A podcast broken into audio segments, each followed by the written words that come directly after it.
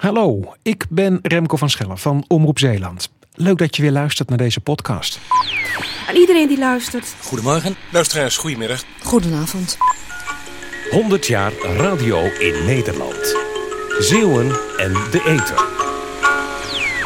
Er is één Zeeuwse band waar de radio heel belangrijk voor was bij de landelijke doorbraak. Dat is Bluff.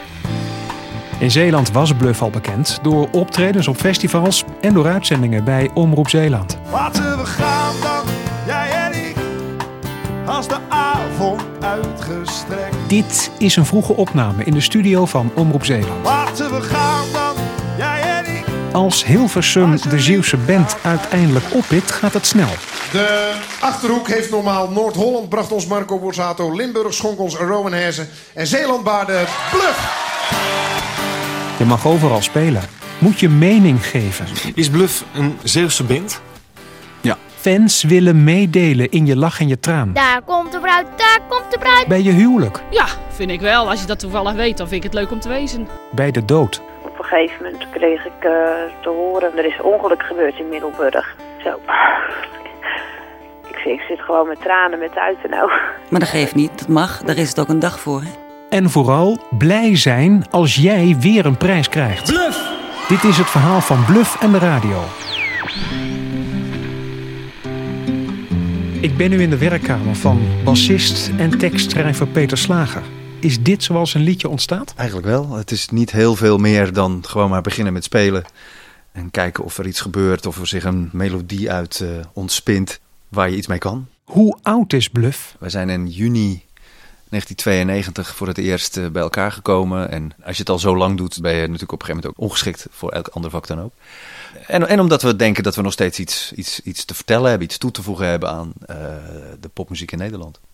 Het aardige aan popmuziek is, zeker als je jong bent, eh, dat het je zo'n identiteit kan verschaffen of, of iets herkenbaars kan brengen. Want popmuziek is toch een van de weinige eh, kunstvormen waarnaar mensen zich kleden. eh, eh, waarmee ze zich dus ook een identiteit eh, aanmeten. Dat zul je bij klassieke muziek wat minder snel zien. Dat, dat is heel eigen aan popmuziek. En eh, dat heeft me daar altijd enorm aan in, in, in aangesproken. Hoe was dat, Bluff, voor de eerste keer op de radio uit Hilversum? Op nationale radio, dat was in 1995. En toen, dat zal onze eerste single verkeerd gedeeld geweest zijn, vermoed ik. Het, is, het is een enorm gevoel van trots, en, en, hè, maar tegelijkertijd ook een beetje eng. eh, omdat wij ook het gevoel hadden dat we misschien, eh, omdat we het allemaal zelf gemaakt hadden en zo, dat de geluidskwaliteit misschien toch ook een beetje achterbleef bij eh, de grote producties waar veel geld voor was. En dan dacht je van, oeh, maar het klinkt toch niet zo goed als de plaat ervoor en daarna. En zo hebben we ook geleerd eh, ja, hoe je goede platen moet maken, die ook goed klinken. Maar ik weet wel eh, dat er twee DJ's waren die eh, iets later, eh, toen met Liefst uit Londen, toen dat een hit werd, eh, die ons een heel warm hart toedro- toedroegen. Dat waren Henk Westbroek en Frits Spits. De naam van Frits Spits valt. Maandag tot en met zaterdag. Radio-icoon. Vrienden van Avondspits, goedenavond. Beroemd van de avondspits op Hilversum 3 en later programmamaker op Radio 2 en nu op NPO Radio 1. Zoals hij in de avondspits al deed, waar ik mee opgegroeid ben eh, in mijn middelbare schooltijd. Als zo iemand dan eh, de loftrompet over jouw liedje eh, eh, steekt, ja, dat is eh, bijzonder eervol. Frits, wanneer hoorde jij Bluff voor het eerst? Ja, dat was bij een live uitzending van Tijd voor Twee in, in Zeeland. Dat was in Domburg. Zij traden daar op. Het maakte diepe indruk op me. De muziek en de, die mengeling van een beetje folk. Misschien was het wel eh, het Zeeuwse geluid en popmuziek. En morgen als de postbode mijn huis weer heeft gevonden, dan stort ze mijn hart vol. Ik vond die tekst ook heel mooi. Hoe is dat om de landelijke doorbraak van Bluff op je geweten te hebben? Dat ligt niet aan mij, dat ligt aan hunzelf. Het begint altijd bij de artiest. Het begint nooit bij de DJ. Het begint nooit bij de programmamaker. Het begint altijd bij de artiest. En voor mij als programmamaker is het, is het, eh, is het fantastisch als je liedjes ontdekt of voor het eerst hoort waarvan je, waarvan je denkt, nou daar kan ik mijn luisteraars een plezier mee doen. Dat is mooi. Dus eh, zij dragen bij aan de kwaliteit van mijn programma. Ik ben schatplichtig aan al die artiesten die zo, zoveel mooie liedjes hebben gemaakt.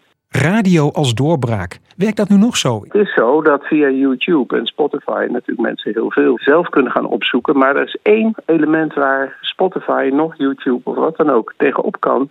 Dat is de, de gelijktijdigheid. Radio is een massamedium. Daar kun je met z'n allen naar luisteren op hetzelfde moment. Dat moment kun je met elkaar delen.